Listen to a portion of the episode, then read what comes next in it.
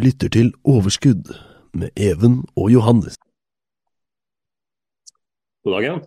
God dag, Johannes. Står det til? Ja, det står bra til. Jeg er uh, akkurat ferdig med en uh, litt lengre oppgave om panterett i juss, så det er godt å være ferdig med det. Det er godt å høre. det er godt å høre. Mm, Jeg syns du må jobbe deg selv. Eh, er meg litt eh, vekk mot lettere dager. Men først må vi gjennom litt, eh, litt skole til. Ja, riktig. Det Så, får bare være. så for, for deres del, så blir det et lite av, eller for vår del, så blir det et lite avbrekk hvor vi skal snakke om Og vi tenker framover eh, med podkasten at vi tar og diskuterer kjente investorer og hvordan de har investert. da. Ja, og bare har... gå grundig gjennom, um, grundig gjennom dem og hva de har gjort i livet, og hvordan, hvordan de ja, hva slags investeringsfilosofi de, de har. da. Og Ja, Det har jo opp til nå vært eh, vårt mål å lage et slags bibliotek på hvor man kan lære det meste grunnleggende som, eh, som trengs da, for å ha et greit utgangspunkt. Um, nå ser vi at det, har, det er av interesse å kanskje se som du sier da, på kjente investorer kanskje hva som skiller de litt fra hverandre. For det er jo mye av det grunnleggende ligger der hos dem alle sammen. Men de, som vi kanskje skal finne ut i dag spesielt, så kan disse investorene være noen ganske spesielle typer, de også. Mm, Eh, De er ikke, ganske, de er ikke, de er ikke alltid de eh, mest alminnelige folka. ja. Og som man kanskje forstår oppsummert da, av disse typer podkastepisodene, det er veldig mange veier til rom. da. Veldig mange veier til å, til å lykkes i, i aksjemarkedet eller i si, markedet generelt. Og eh, George Soros, som vi skal begynne skal snakke om i dag, har jo kanskje lykkes på, på veldig annerledes investeringsfilosofi enn mange andre. da. Veldig, Mm. veldig unik tilnærming. Og det er litt det som er litt morsomt med han. Vi har jo Vi tenkte på hvem skal vi begynne med. Så vi må prate litt om um, investorer. Og vi har jo gått gjennom Warren Buffett før, og han er jo kanskje den typiske investoren. Uh, omtrent så erketypisk du kan. Men George Soros han er litt mer eh, Han, han har, har et hedgefond. Eller har tidligere i hvert fall vært veldig aktiv med sitt hedgefond. Og er litt mer Litt mer Ja, litt mindre tilgjengelig, kanskje. Mm. I hvert fall med tanke på filosofien hans. Og um, han har jo holdt på i en periode som kanskje var veldig annerledes fra det vi ser nå. Men uh, vi kan jo diskutere litt om han. Han er jo ganske Om ikke kontroversiell, så er han i hvert fall beryktet. Ja. Vi kan, vi kan starte med hans uh, Hvem er han, da? Han er jo en uh, Kommer fra fra en jødisk familie som er overlevere av, ja, overlevere av nazistene. Og Mm. kommer opprinnelig fra, fra Ungarn, da, Budapest. Mm. Og skal ha emigrert til, eh, til England i 1947, eller familien hans. Mm. Uh, og, og gått på skole og vært oppvokst der, da. Uh, og etter dette så flyttet han til New York og har jobbet uh, først litt verst steder som analy analytiker, som han gjerne begynner som. Før Mm. han i 73 da startet sitt eget fund, uh, hedgefund som da het Soros Fund Management. Um, og det har jo tiden vist seg å være kanskje et av de mest suksessfulle hedgefond som er liksom opprettet da, og drevet av hovedsakelig en person. Mm. Og, men det er jo på en måte ikke et stikke under stol at det de fleste tenker på når de tenker uh, på George Soros, er jo på en måte filantropi og skal vi si, aktivisme. Ja. Hans investering har kanskje kommet litt i, i skyggen av det etter hvert. da. Men Ja, altså, hans han er, eh, det har litt med å gjøre at han er, han er jo 92 år gammel nå. Uh, vi, vi nevnte jo at han uh, hadde overlevd andre verdenskrig, og han var ikke, han var ikke nyfødt da heller. Han er født i 1930, så han har hatt god tid på seg. Og det som kanskje var George Soros-investoren, har som du sier nå, blitt kanskje George Soros-filantropen, da, aktivist, aktivisten. Um, det er kanskje der mange har, har fått et nytt forhold til han. da. mm. Så det er Så, eh, så det er jo i tillegg til filantropi, han har jo eh, noe som heter The Open Society Foundations. Um, han har jo gitt vekk utrolig mange, altså vi snakker milliarder på milliarder av dollar, til diverse veldedige formål. Um, I så holdt si forvaltet ting selv. Uh, så har han jo også blitt ganske politisk aktiv, da. ja. Og Um, og gjerne på den liberale siden, på venstresiden. Mm, han har fått seg, fått seg en del fiender. Eh, både Trump og Putin har eh, skal si, uttrykt seg veldig skeptisk til George Soros og brukt han nærmest som et skjellsord. eh, Men han er, er, er på en måte donerer til mange, politi ja, til mange politikere i USA, demokrater som hovedsak, er det vel. Eh, det er vel egentlig utelukkede demokrater som får uh, støtte fra han. Og uh, er jo brukt på, på høyresiden i USA som, en, som et skjellsord. Kan, kan være langt fra å si. Men, Men Kjeldsen eller nei, han har nå fått frihetsmedaljer i USA i 2018. Mm -hmm. um, og han er, har jo gitt ut bøker. jeg har lest den som heter The Alchemy of Finance, som er gjerne den litt mer investeringsvinklede boken hans. Mm. Jeg må si at den var utrolig givende. Vi skal gå inn i noen av punktene uh, senere. Men jeg må også påpeke at uh, ganske avansert skrevet. Han er jo på alle mulige måter en veldig smart mann. Uh, og det er, det er, lett å forstå gjennom, gjennom, den boken. Det tok litt lengre tid å komme gjennom den enn kanskje mange andre bøker jeg har lest om lignende temaer. ja, så kanskje ikke de typer skal vi si, denne typen investeringer man skal begynne med. Da. Det er Soros metode er absolutt ikke for nybegynnere å kopiere. Nei, det er for Nei, jo... interesserte. og det er, sånn, Mange av de tradesene er ikke mulig å gjøre i dag. Eh, på samme måte i hvert fall. Men eh, vi skal gå litt tilbake på kanskje hva man heller kan få ut fra hans filosofi. da. Eh, mm. men jeg vet ikke, Skal vi diskutere litt det som er litt kontroversielt, eller det, det som gjelder hans rykte litt, da, som kanskje, kanskje mange enten har fått med seg eller hørt, hørt litt rykter om? Ja, jeg, det er jo fryktelig mye av de konspirasjonene rundt, eh, rundt George Soros. Uh, hvor det brukes som at han har uh, at han står bak Ukraina-konflikten langt på vei ved å ha sørget for USAs innblanding. Det, det er jo mye som kanskje også går litt på sånn skal vi si, um, antisemittistiske sider. Da. Og det er veldig mye forskjellig man mener. Og um, jeg vil jo si at veldig mye av den det som blir snakket om George Soros, sikter på mer på filantropien, og at investoren George Soros har uh, altså Selve investeringsfilosofien har kanskje kommet litt i skyggen, da. Men uh, han har gjort noen kontroversielle skal si, veddemål også. Og Der er det jo først og fremst det alle tenker på, at han veddet mot pundet i 1992. Når han først går med en bet av George Soros, går han ganske hardt ut. Um, og det var det i 92 da, at han mente at det britiske pund var ubegrunnet høyt. Eh, verdsatt i forhold til mange andre valutaer. Og gikk jo da inn med en ti millioner dollar eh, bet omtrent, eller pund bet. Eh, de to går mot hverandre i 92. Men eh, han vant jo ganske mye på dette her, og fikk jo da kallenavnet Eller liksom, ble jo da gjerne kalt for mannen som eh, broke the bank of England. The man who broke the bank of England. Mm. Og eh, Siden det så har han ikke akkurat vært noe mindre betydningsfull hva det gjelder valutaspekulasjon. Og det er jo kanskje der mye startet, med tanke på det kontroversielle. Mm. Med tanke på at han gjerne har blitt kritisert litt for å tjene på å destabilisere ulike valutaer.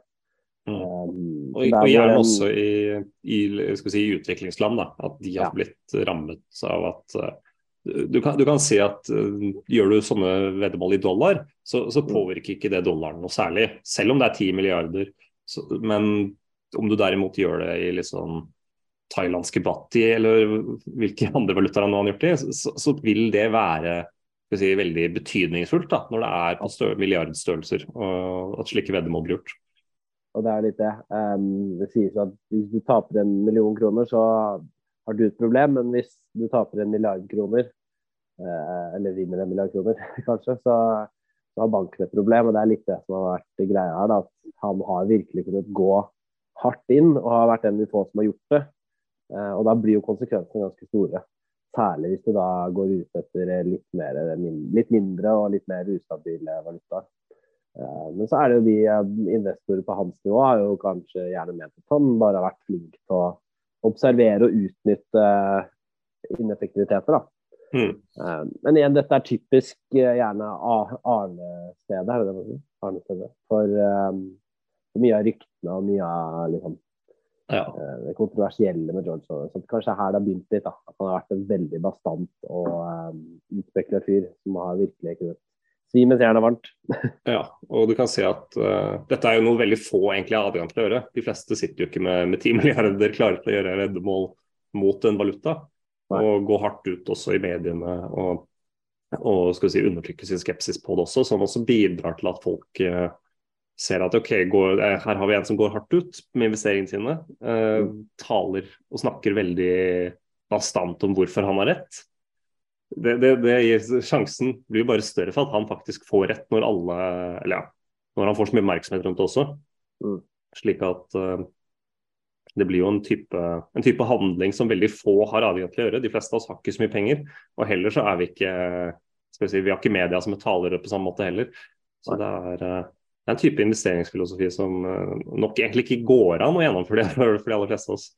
Nei, og så er det klart at uten at jeg har noe erfaring til å bekreftet der, men det er jo klart at uh, han opererte jo mye forrige århundre, og gjerne før internett. Og før ting virkelig begynte å gå raskt. altså Ting gikk raskt før, men uh, de siste 30 årene har ting virkelig eksplodert. Så, så er klart at mye av disse bevegelsene som han kanskje gjorde, er om ikke umulig, så er det litt annerledes å få det til i dag. da. Um, og det er litt mer uh, Alle sitter litt her og der. og Ting er blitt enda mer globalisert. da, så men igjen, han hadde en ganske unik filosofi eh, og et par veldig unike bets som, som, ga han et visst rykte. Og det er jo klart at det har på en måte vedvart når han har beveget seg ut i filantropien. da, og det er jo klart Når du sitter på uh, mye penger og kan, um, kan føre en slags agenda, så, så, vil det jo få konsekvenser, da, på godt og vondt. Og George Soros har kanskje vært en av de som, som har vært minst redd for å si og mene det han vil, da, og ytre seg. og Mm. Det er gjerne derfor han har blitt veldig beryktet. Ja, og På andre siden så, så kan man si at um, selve hedgefondet hans har man ikke egentlig hatt så mye innsyn i. Man har ikke hatt så mye innsyn i de typer investeringer han gjør. Og, uh, men man vet nok noe, da. Han har jo skrevet en bok om hans uh, si, investeringsfilosofi. Mm. Og uh, generelt, da, ut fra det man vet, så vet man at han investerer mye i, i u-land. Det er det jeg har klart å finne ut. Bl.a. i en argentinsk hotellkjede har han investert ganske stort i. Og, eh, men det er nok vanskelig å vite hvilke For hedgefond har ikke de samme så de har, I hvert fall lenge i hvert fall, har ikke hatt de samme innsynskravene som, som si, tradisjonelle fond.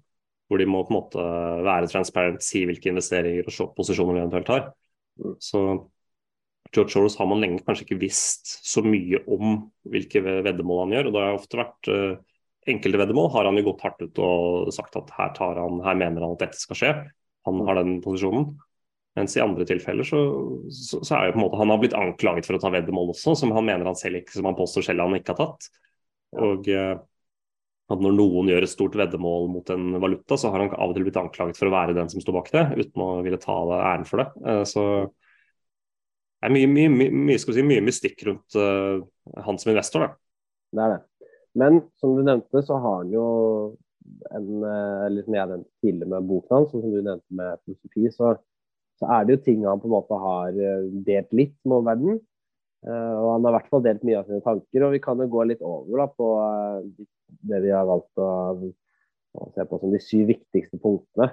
Um, eller momenter for investoren. da med bakgrunn i hans uh, investering. Jeg vet ikke om du har mm. noe mer du vil si før det? Uh, nei da, du kan bare gunne på. Ja. En ting som man kommer fort inn i hvis man leser denne boken, da, Alchemy Finance, som jeg husker veldig godt også, det er dette med uh, viktigheten av noe han kaller for reflexivity. Um, det er litt, litt sånn komplisert å, å, beskrive, men det handler rett og slett om at hvordan man ser på markedet, det er nok til at man kan eh, liksom, gjøre opp en formening om hvor markedet skal. Da.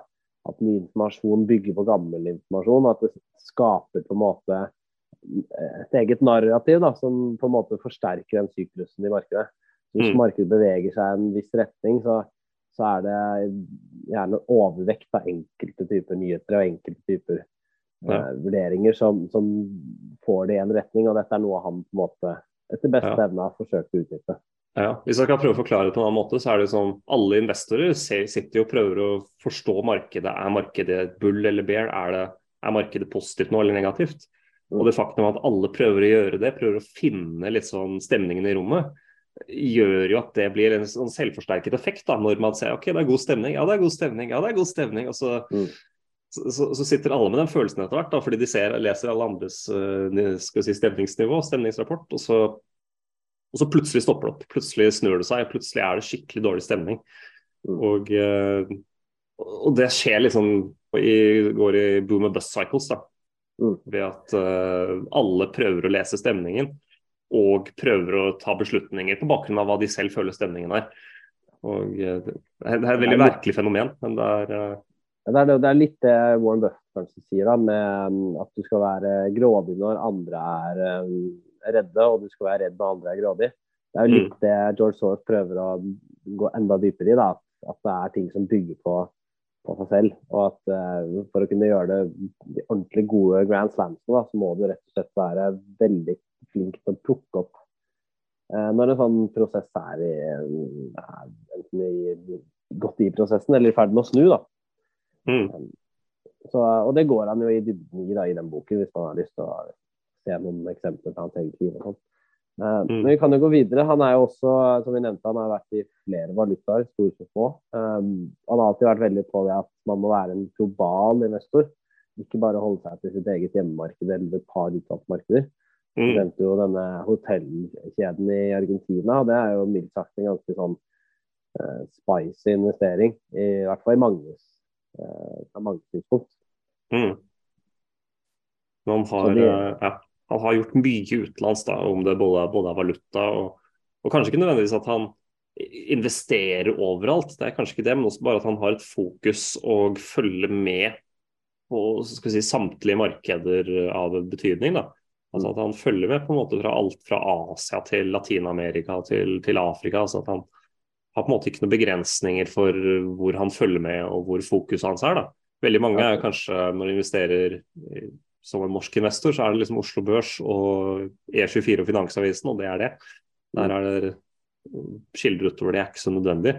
Men det man kan kanskje trekke fram som en mindre investor, er at det er faktisk nyttig å lese, prøve å lese kilder fra andre steder i verden.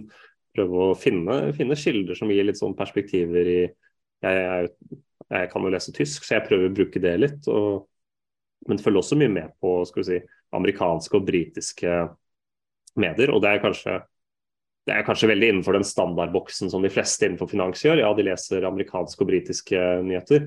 Men hvis du har muligheten og hvis du har engasjementet, så er det nok mye å tjene på også på en måte utvide horisonten utover det. da. Og prøve å finne noen kilder, noe, noen gode aviser som også skriver på engelsk, som skriver om situasjoner i, skal vi si, i enten Midtøsten, eh, Latin-Amerika. Mm andre steder i verden. Da. Og India syns jeg også er veldig spennende nå om dagen. Så der prøver jeg selv å finne litt, finne litt nyheter og sånn. Men det blir jo ofte mye gjennom Bloomberg og sånn, da. Ja. Men det er akkurat det, det, det er ikke noe vits å ha med seg noe Legge begrensninger på seg selv bare, bare, for liksom, bare fordi det er eksotisk. da. Du kan finne en investering overalt, gitt at du vet hva du driver med. Mm. Det er litt det han har fokusert på. At han, han snur alle stener i jakten på liksom, gjøre det unike oppkjøpet, da. under kjøpet. Mm. Um, videre så har han jo vært veldig flink til å begrense risikoen sin. Han har vært veldig opptatt av at han skal minimere tap. Uh, og det er litt det han at, han har gått så hardt inn i enkelte ting. Det er noe han har gjort på bakgrunn av at han er klar til å hoppe av. da. Um, og ikke minst minimere underveis. Det er litt det, det henger sammen med neste punkt også. At han er veldig Han skifter mening veldig lett. da. Eh, ikke fordi han er usikker, men han er villig til å skifte veldig lett hvis han mener at det er en overvekt av info som går imot det han tror. Med andre ord tar han ting veldig lite personlig. Mm. Um, og er alltid åpen for å um, ja, rett og slett ha en 180 graders uh, endring av retningen sin. Og mm. bette mot det han kanskje bedte for. Ja, ja. Det er, uh...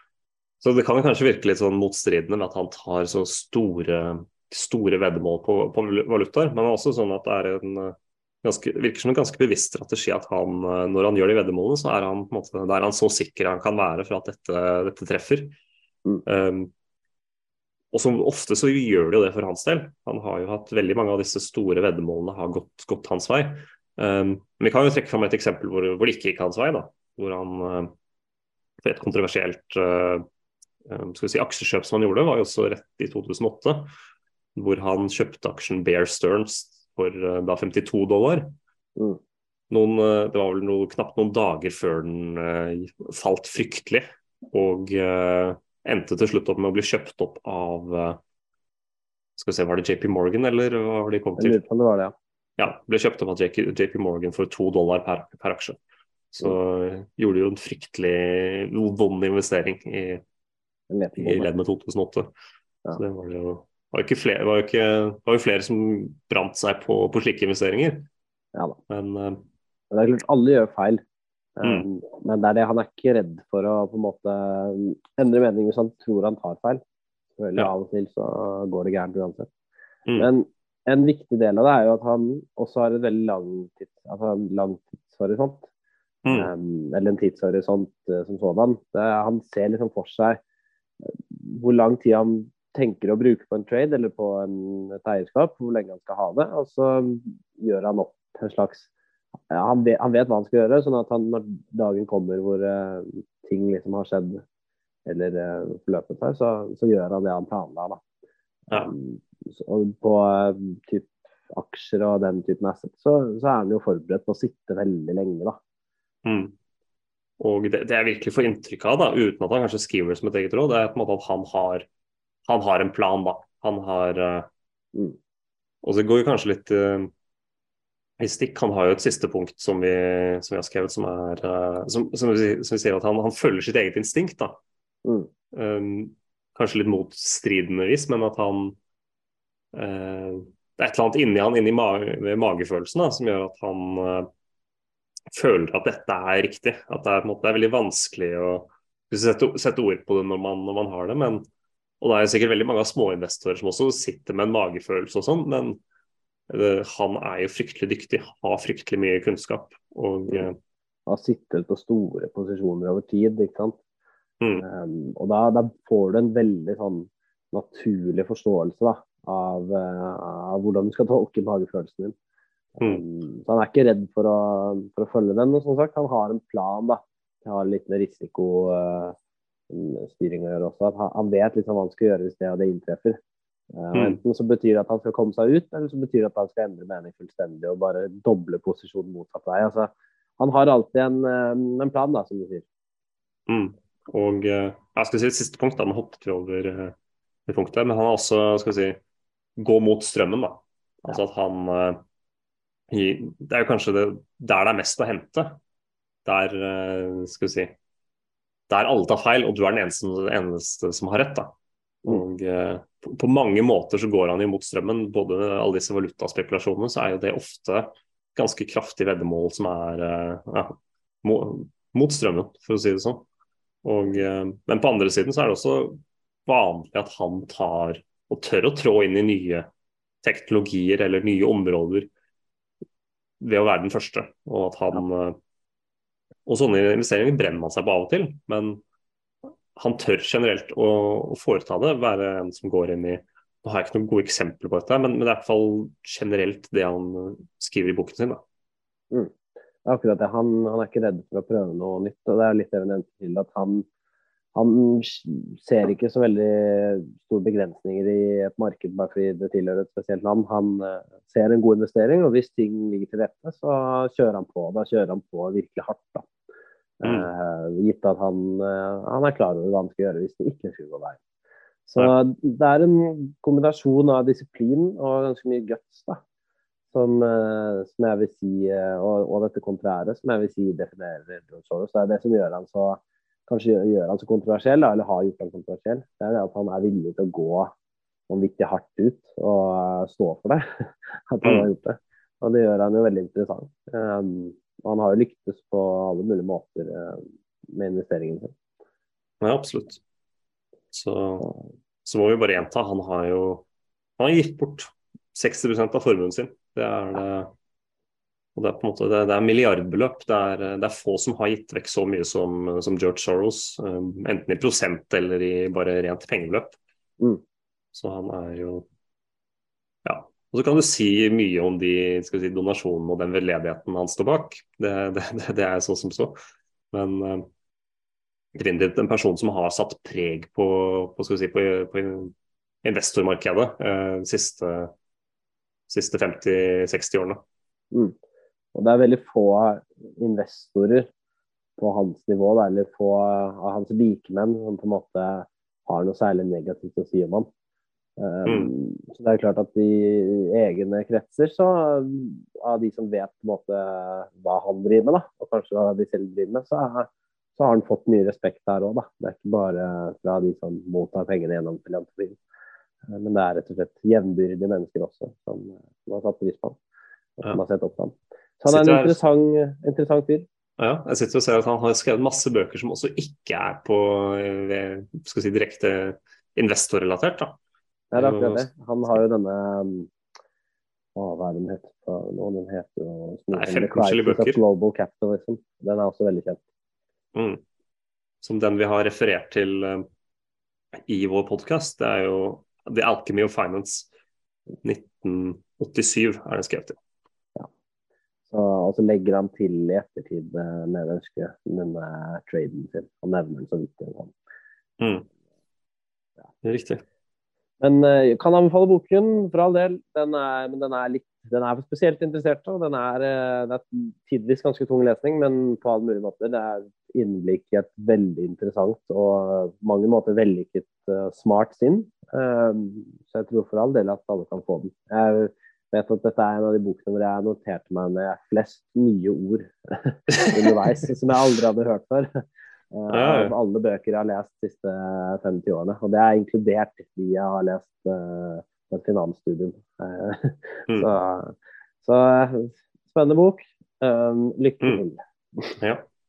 Og til, til lytterne som har fulgt oss med så langt, så, så før vi avslutter, avslutter episoden, så, så har jeg faktisk en liten oppfordring. Og det er å trykke, trykke på følg-knappen på, på Spotify. For de som ikke har gjort det.